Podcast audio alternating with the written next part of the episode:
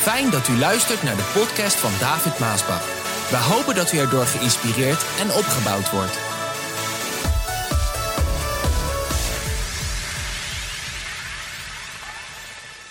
De boodschap van vandaag die heet een stem in de chaos. Een stem in de chaos. Ja, Johannes 3, vers 17. Als je je Bijbel hebt, dan kun je dat opslaan. Ik ga wel een paar teksten lezen ook deze uh, morgen. Maar hier wil ik mee beginnen. Johannes 3, vers 17. Luister naar wat Jezus hier zegt. Dit zijn woorden van Jezus.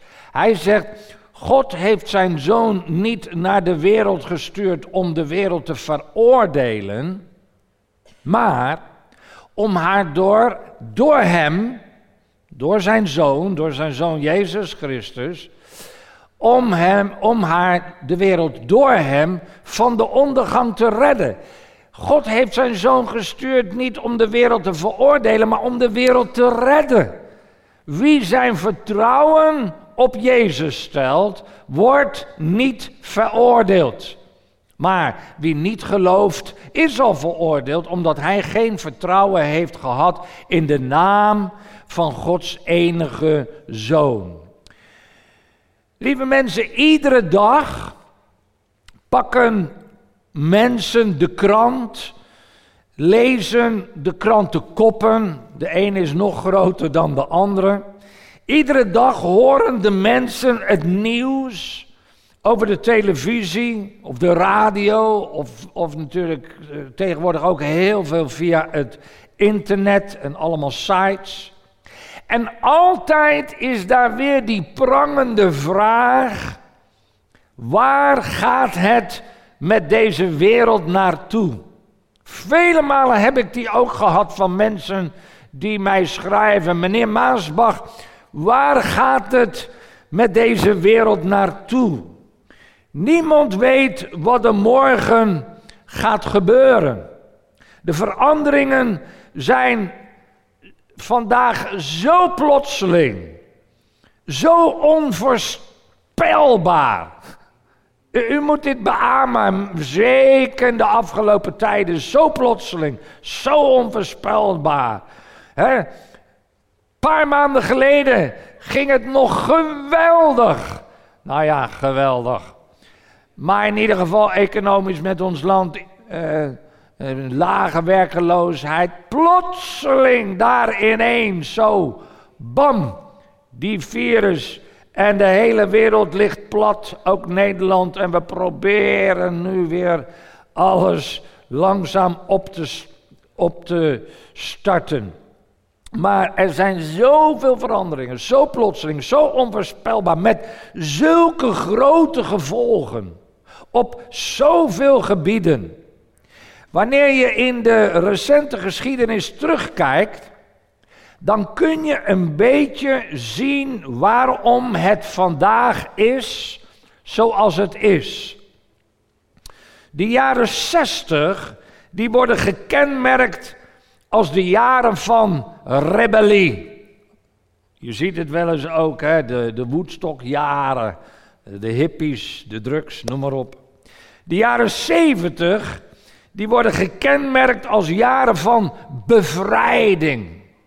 Ga, ik ga niet alles uitleggen, dan ga je maar even in de geschiedenisboeken kijken wat dat voor jaren waren. Bevrijding. De jaren 80 worden gekenmerkt als jaren van genot en overvloed. De jaren 90 worden gekenmerkt als jaren van verandering. En de jaren 2000 tot nu, 2020, zijn jaren waarin de hele wereld van dag tot dag radicaal verandert. Niemand kan vertellen wat er nu weer staat te gebeuren. En te midden van al die razendsnelle veranderingen is de mens wanhopig op zoek naar wat de toekomst zal brengen. Nou, in diezelfde tijd doen vele valse profeten grote zaken. Ja, er wordt ook heel wat aan verdiend. En al die fake news, valse profeten. En er zijn er heel veel in de wereld. Deskundigen worden gevraagd naar hun mening. En ze vertellen ons te midden van al de chaos. Hoe wij met al die snelle veranderingen in de maatschappij ja, moeten omgaan. En weer anderen die vertellen ons hoe wij de God, met een kleine letter, de God in onszelf, binnen in onszelf kunnen vinden. En de mensen, ze zoeken het in horoscopen en tarotkaarten en kristallen bollen en handlezen en paranormale beurzen. Het komt er allemaal aan te pas. Waarom? Om erachter te komen wat de toekomst zal zijn. Heel velen zijn op zoek naar wat de toekomst brengen zal. Vele mensen die richten ook hun hele leven in op de horoscopen. Het is onvoorstelbaar hoeveel mensen elke morgen de horoscopen lezen en daar hun leven dan op inrichten. Vernuftig bedachte belevingsvormen. Vind ik eigenlijk wel een mooie zin. Vernuftig bedachte belevingsvormen. Het vereren van de zon. Het vereren van de maan en de sterren. En ontelbare andere zaken. Zelfs computers worden ingezet. En computers zijn vandaag ja, heel sterk, hè, kunnen heel veel. Die worden ingezet om de toekomst te kunnen voorspellen. Nou, uh, kijken ze in het heelal en, en gaan ze weet ik voor hoeveel lichtjaren terug. Om, om eigenlijk ook weer te zien waar het allemaal vandaan is gekomen. Uh, hoe het vandaag is en waar het allemaal naartoe gaat. Maar, lieve mensen, er is maar één.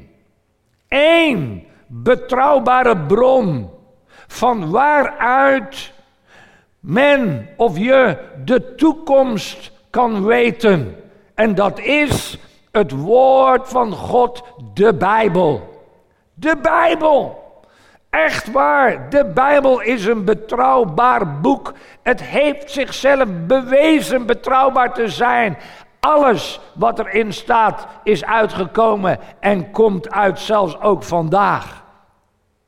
Nou, het is altijd een veranderende wereld geweest. Het is niet zo dat nu de wereld verandert. Het is altijd een veranderende wereld geweest. Maar nog nooit is de wereld zo snel en zo enorm krachtig, zeg maar, uh, veranderd als in de afgelopen twintig jaar. Nooit zo snel en nooit met zulke grote gevolgen als de afgelopen twintig jaar. Al die snelle veranderingen, die heeft ons gebracht waar wij nu zijn. En wij hebben daarbij grote risico's genomen. Hoor je dat? Ik weet dat er ook leiders kijken, ja, ja, op allerlei vlakten. Wij hebben grote risico's genomen. Risico's zijn onvermijdelijk. Ik, weet dat ook van het werk natuurlijk als het onze. En, en, en ja, jij denk ik ook. Risico's zijn onvermijdelijk. Ik begrijp dat. Maar wij worden vandaag overschaduwd door hebzucht, door overdaad, door financiële onverantwoordelijkheid. Niet alleen bij, het, bij de consument, maar ook bij de overheid en bij het bedrijfsleven. Enorme grote onverantwoordelijke risico's. Ik weet niet of je het weet, maar de totale schuld van de wereld bedraagt duizenden miljarden euro's. Om een beetje preciezer te zijn, de totale schuld van de wereld bedraagt 244 duizend miljard. Mensen, daar ga je van duizelen. 244. Duizend miljard. Miljard is nee, een miljoen is zes, miljard is negen. Zo duizend miljard is twaalf nullen. Correct mij op uh, live chat als ik verkeerd ben. 244 met 12 nullen. 244.000 miljard mensen. Ha. Wie gaat dat betalen? Hoe kom je daar ooit uit? Eh, ik denk dat de staatsschuld van Nederland zo'n beetje 400 miljard is. Dat is voor een klein land als Nederland ook veel. Laat je niet aanpraten. Ja, het valt wel mee. Of we waren juist goed bezig. Ja, we waren heel goed bezig, net voor de crisis. Maar we hebben er nu al inmiddels geloof ik weer zo'n 100 miljard tegenaan gegooid. om de boel draaiende te houden. En dan wil Europa ook nog eens een keer, ik meen iets van 1500 miljard, waar wij dan mee gerand. Oh, alsjeblieft, Rutte, hou je poot strak. Laten we niet daarin gaan en meetekenen. Want wij zadelen ons nageslacht op. Maar ook dit, lieve mensen. Ik weet niet of men dit beseft vandaag. Ook de leiders. Of ze dit beseffen. Dat wil zeggen, er is een gigantisch tekort op de balans. Ook in Nederland. Als gevolg van al deze problemen zijn daar vele banken omvergevallen.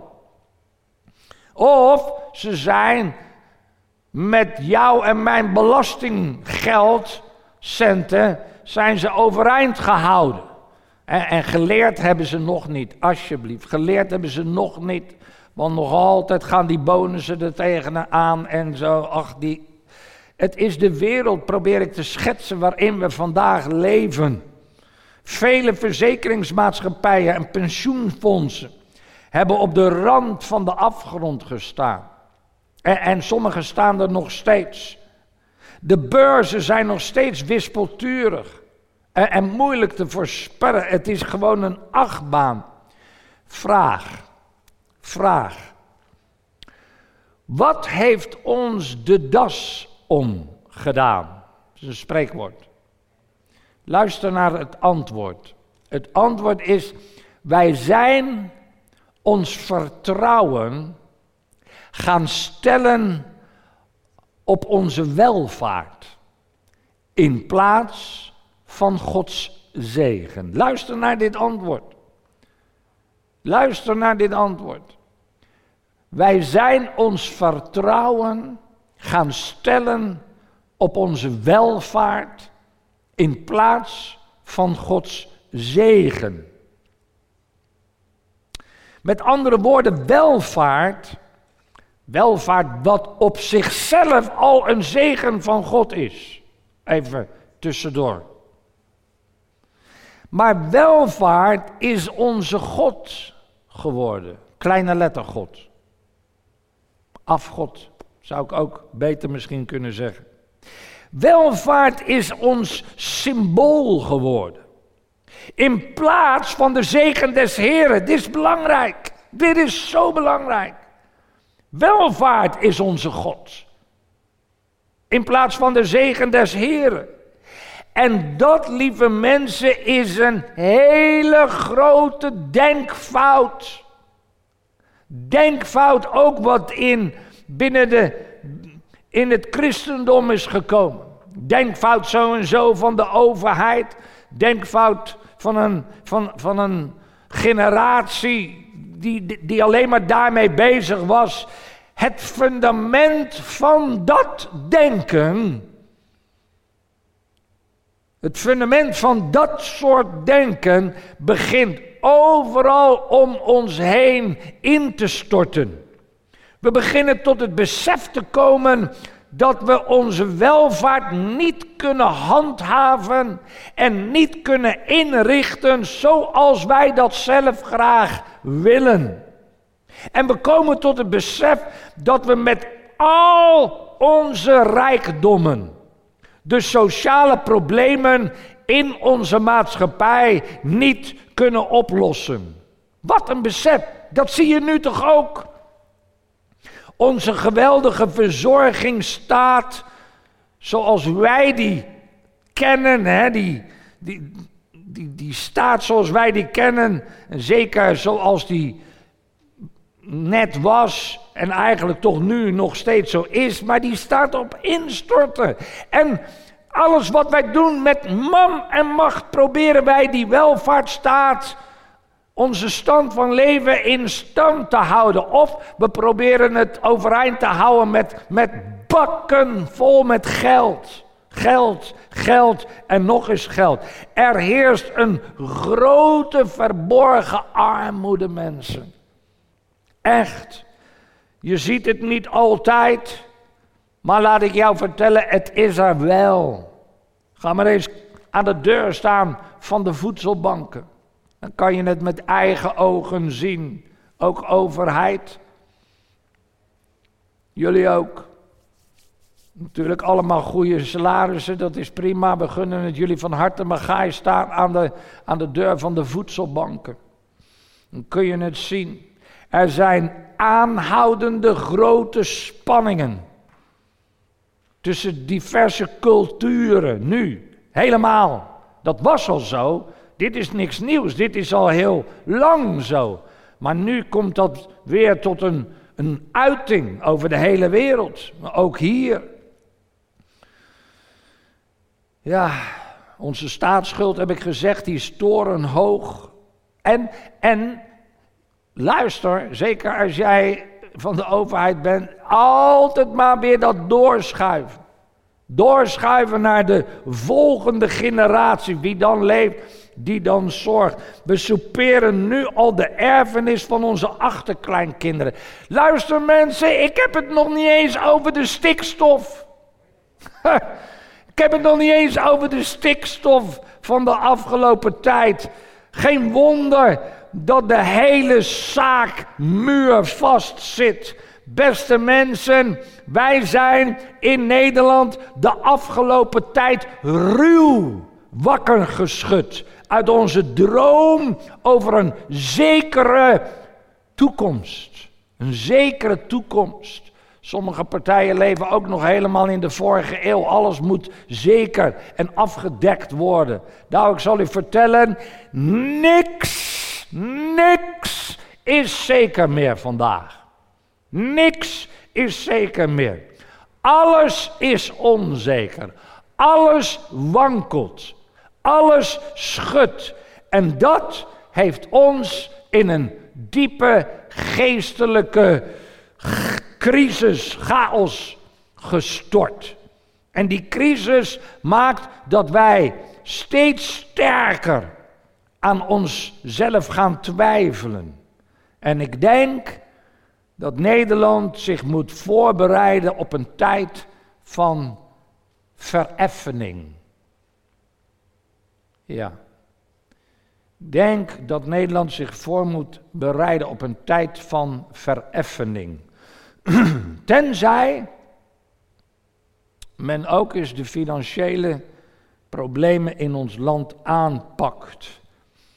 Ja, en dan bedoel ik niet aanplakken door, pakken door de belastingen te, te gaan verhogen en dat het weer op ons burgers afgewend wordt, want de belastingen zijn al torenhoog. Het zijn tollenaars, daar op het Binnenhof tollenaars waardoor wij enorme belastingen moeten betalen. Ja, maar David, daarom hebben we. Nou, oké, okay, daar ga ik dan weer een andere keer maar wat over zeggen. Hoe de tollenaars werden genoemd daar in de Bijbel. We leven, laat ik het anders zeggen. Wij leven nog altijd boven onze stand. Ja.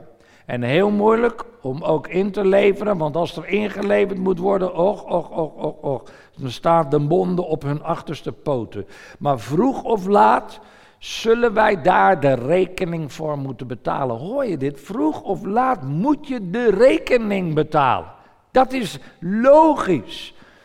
Nou, al die zaken die ik nu geschetst heb, hè, die zijn niet leuk. Nee, ik weet het wel. Er is ook niemand die dat graag wil zeggen natuurlijk, maar goed. Ik moet wel brengen wat de Heere God in mijn hart heeft gelegd.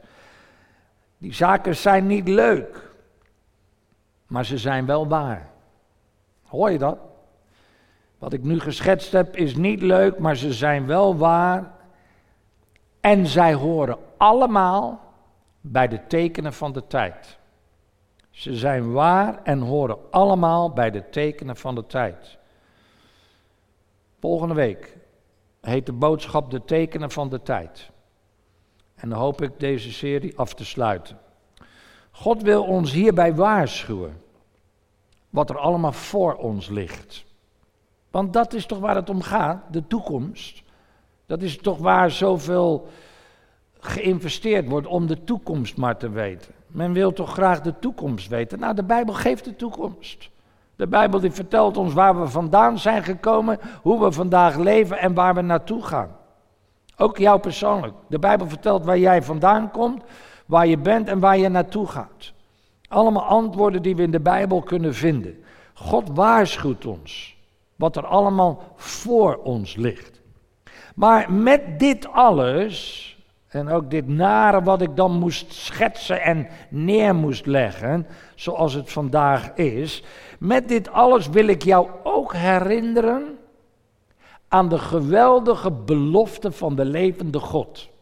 De God van Abraham, Isaac en Jacob, te midden van al het pessimisme. Want u weet, ik ben geen pessimist. Ik ben altijd een optimist. Vandaar dat ik ook nu weer een wending in de boodschap breng. Ik wil jou herinneren aan het woord van God. Ik wil jou herinneren vandaag aan de belofte van de levende God. Eh, eh, met al het pessimisme, met al het doemdenken, met al die donkere wolken. Er is een geweldige hoop. er is een geweldige hoop. Het is de belofte van Jezus Christus in Johannes 14, vers 1. Luister wat ik daar lees. Johannes 14, vers 1. Woorden ook weer van Jezus Christus.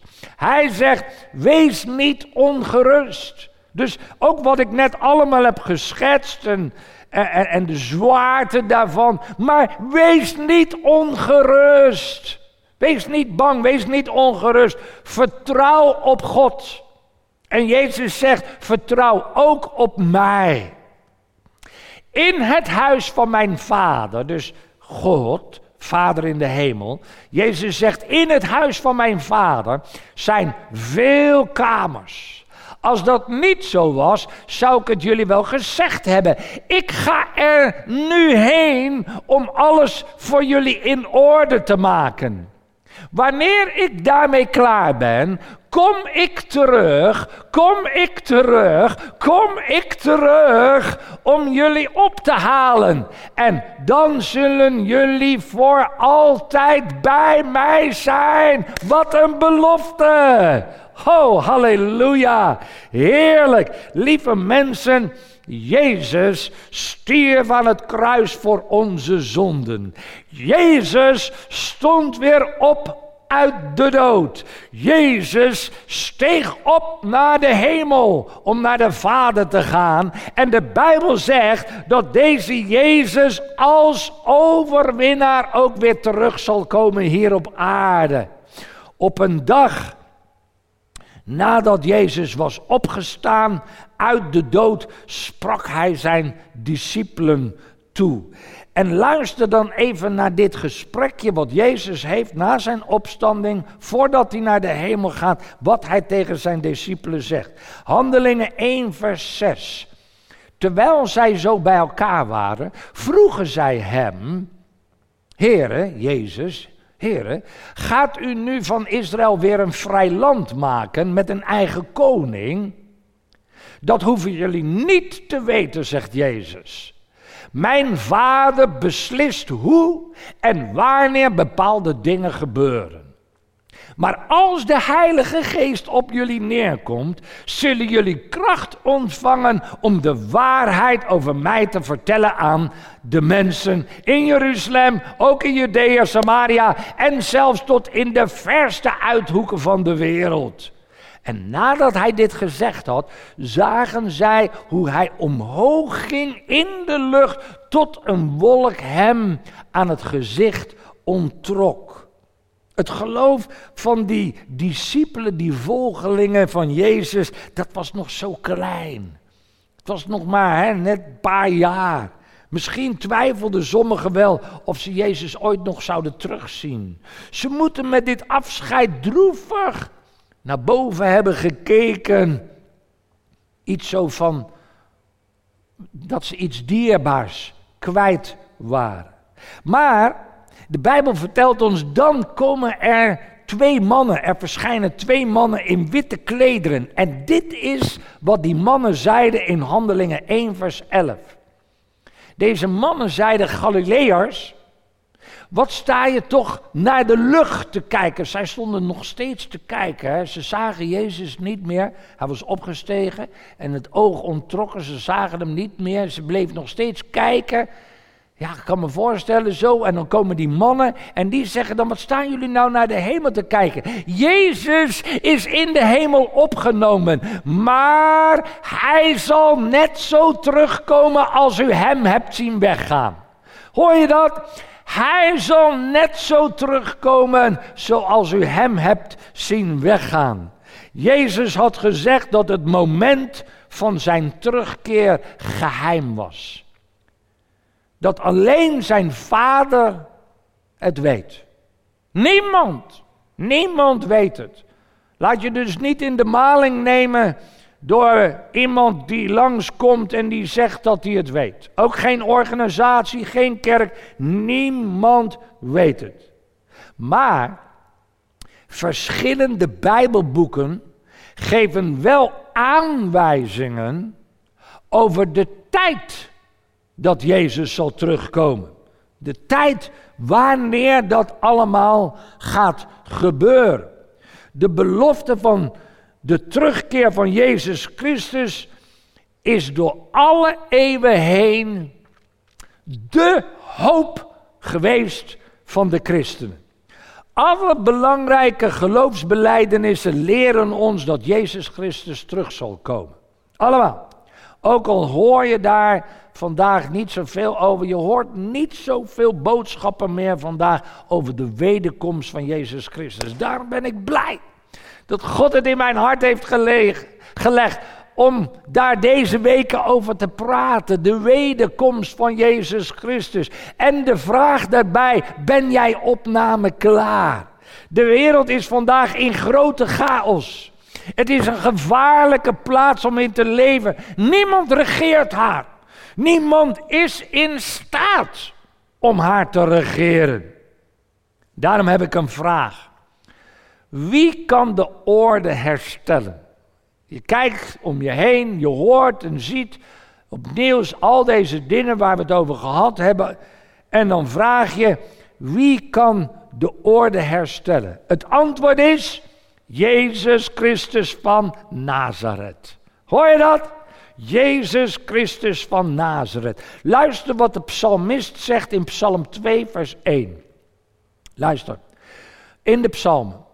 Wat zijn de ongelovige volken toch dwaas om tegen de Heer op te staan, tegen God op te staan. Hè?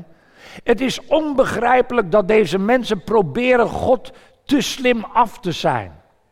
De machthebbers van deze wereld hebben hun hoofden bijeengestoken en de leiders spannen samen tegen de Heer en zijn gezalfde. Dat gebeurt ook nu heel veel, dat samenkomen. Hè?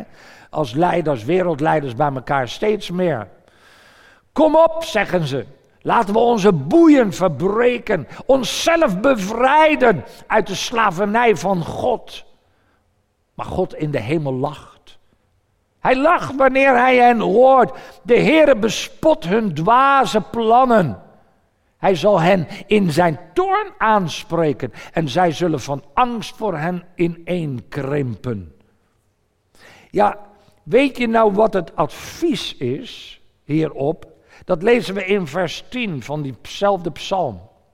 Wees daarom verstandig, koningen en heersers van deze aarde. Ik, als jij een, of u, eh, wil ik uh, beleefd zeggen, in de overheid bent, in leiding, dan zijn deze woorden helemaal bijzonder voor u. Wees verstandig. Wees verstandig, koningen, heersers, wees verstandig, u. En luister nu het nog kan. Dien de Heer met eerbied en ontzag. En verheug u in Hem met een bevend hart. Lieve mensen, God heeft deze planeet aan zijn zoon Jezus Christus gegeven. Dat is wat de Bijbel ons vertelt. En op zekere dag zal Jezus Christus terugkomen en zal de aarde van hem zijn. En hij zal een einde maken aan al het onrecht, al het kwaad, de oorlogen, de onderdrukkingen, de misdaad, het geweld, de hebzucht, de rassenhaat, enzovoort, enzovoort, enzovoort. Waarmee wij dagelijks vandaag overspoeld worden. Op de radio, de televisie, internet en, en, en, en reclame en, en noem maar op, de kranten. Voor de gelovigen is de terugkeer van Jezus een troost. Oh, heerlijk! Ik zie er naar uit dat Hij zal terugkomen om ons te halen. Het is een troost als Hij komt om ons weg te rukken uit deze aarde die ten onder gaat, uit deze wereld die ten onder gaat. Maar voor de ongelovigen is de triomfantelijke terugkeer van Jezus één grote ontgoocheling. Want zijn terugkeer luidt ook meteen het laatste oordeel in. Ja, plotseling. Plotseling wankelt het hele universum. En dit is wat de Bijbel hierover zegt in Openbaring 6. Toen hij het zesde zegel verbrak, staat er, zag ik, dat was Johannes op Patmos, dat er een zware aardbeving kwam. De zon werd zwart als een rouwkleed en de maan rood als bloed. De sterren vielen van de hemel op de aarde als onrijpe vijgen. hij spreekt in, in, in uh, moeilijke taal. Ik heb daarover gesproken in het boek uh, Openbaringen. Dat kun je vinden op de Message Station. Elk hoofdstuk heb ik daarover gesproken, ook hierover. Die in een storm van de boom waaien. De hemel verdween als een stuk papier dat opgerold wordt. En alle bergen en eilanden werden van hun plaats gerukt. Alle mensen verstopten zich in holen en tussen de rotsen, koningen, regeringsleiders en generaals, rijken en sterken, slaven en vrijen. Ze schreeuwden naar de bergen en de rotsen: Val op ons, verberg ons voor de ogen van Hem die op de troon zit en voor de toren van het Lam.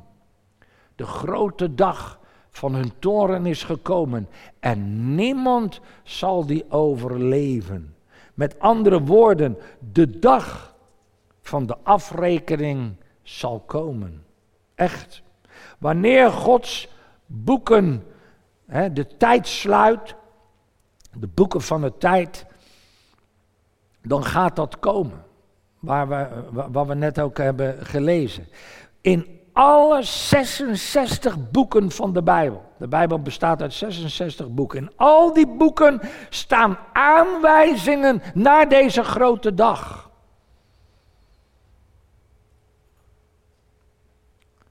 Ik hoop dat je het aanneemt vandaag.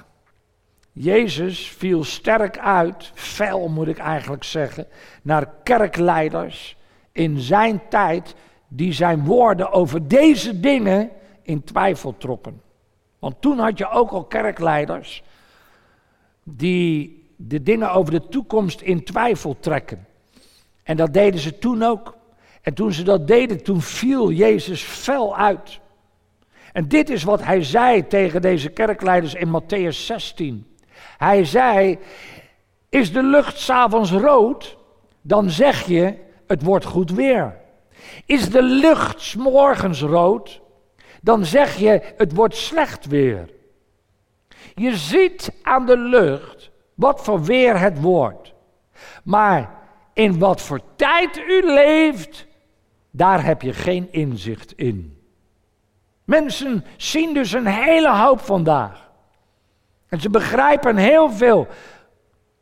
Maar de meeste mensen beseffen niet, ook christenen, beseffen niet in wat voor tijd wij leven. Het is later dan je denkt. Jezus waarschuwde dat de veranderingen die zouden plaatsvinden anders zouden zijn. Dat zien we ook vandaag. Hele plotselinge en snelle en heftige veranderingen zijn vandaag anders dan al die anderen in het verleden. Niet veel later zegt Jezus dit in Matthäus 24, vers 27. Want zoals de bliksem van oost naar west langs de hemel schiet, zo zal het zijn als ik terugkom. Met andere woorden, de tijd van afrekenen komt, van vereffenen.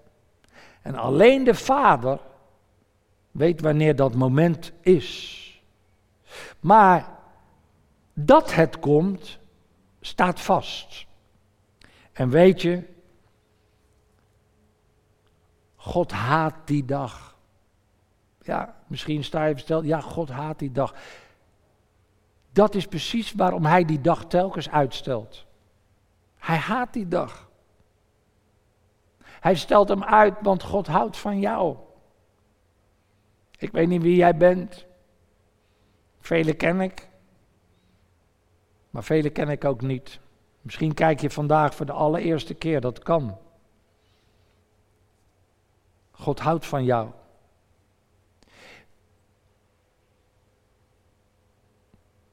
Ik hoop niet dat jij denkt, die dag zal wel nooit komen. Hou je niet voor de, voor de gek. Hou jezelf niet voor de gek. Door te denken, die dag zal wel nooit komen. God is liefde. God houdt van jou. En hij heeft jou een vlug, vluchtweg aangeboden. Net als de ark toen met Noach. Mensen wilden het niet horen wat Noach te vertellen had. Maar de dag kwam dat het begon te regenen. Velen geloofden het niet. Vandaag, velen geloven het niet. Er zijn er zelfs gewoon die mij uitleggen, nou, lachen. Nou, dat mag. Dat mag, want we leven in een vrij land. Je mag zeggen dat ik helemaal knettergek ben. En gelukkig leven we in een vrij land dat ik dit ook mag prediken. Vandaag en vertellen. Maar door je te bekeren, vandaag, en te vertrouwen op Jezus Christus,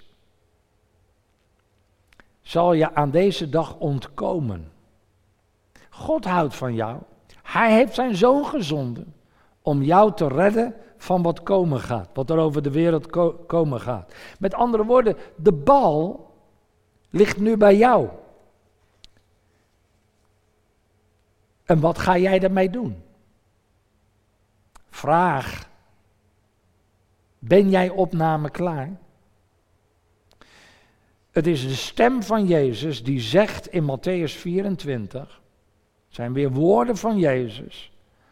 Zo kunnen ook jullie, jullie moeilijkheden vermijden. Door altijd klaar te zijn voor mijn onverwachte terugkeer. Maar wie dwars door alles heen, zegt vers 13, aan mij vasthoudt, zal gered worden. En daarom eindig ik met die belangrijke vraag. Ben jij opname klaar? Het gaat gebeuren, vroeg of laat. En niemand weet wanneer. Zo plotseling zal het gaan. Zo plotseling als wat nu ook gebeurd is, hè? In de afgelopen maanden. Dat kwam zo plotseling over de wereld. De wederkomst van Jezus gaat nog veel sneller. De Bijbel vertelt ons in een oogwenk. Als je je oog één keer wenkt, zo één keer knippert, is het gebeurd. Zo snel. Zegt de Bijbel dat het zal gaan. Ben jij opname klaar? Misschien zeg je nee. Wat moet ik dan doen? Nou, we gaan bidden. ik ga bidden, ik ga samen met jou bidden.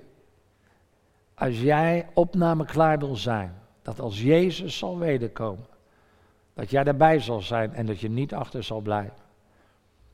Maar wat moet ik dan bidden? Nou, ik ga je voorzeggen. Ik ga, ga, ik ga je helpen. En zeg mij maar eenvoudig na, maar doe het met een oprecht hart. Waar je ook bent, schaam je niet. Doe het met een oprecht hart. Leg je hand maar op je hart en zeg maar, Vader in de hemel, ik dank u voor uw liefde en genade. Ik dank u dat u Jezus, uw zoon, hebt gezonden naar deze aarde. En dat hij voor mij aan het kruis is gestorven. Om al mijn zonden op zich te nemen. Ik heb spijt van mijn zonden. Ik heb berouw van mijn zonden. En ik vraag u vergeving. Wil u mijn hart reinigen? Wil u mij nu aannemen als uw kind? Ik neem u aan als mijn vader. Dit is een nieuwe dag en een nieuw begin. Ik mag nu uw kind zijn. En ik mag aannemen dat u al mijn zonden heeft vergeven. En dat ik nu gered ben. Door Jezus Christus. Dank u wel hiervoor. In Jezus' naam. Amen.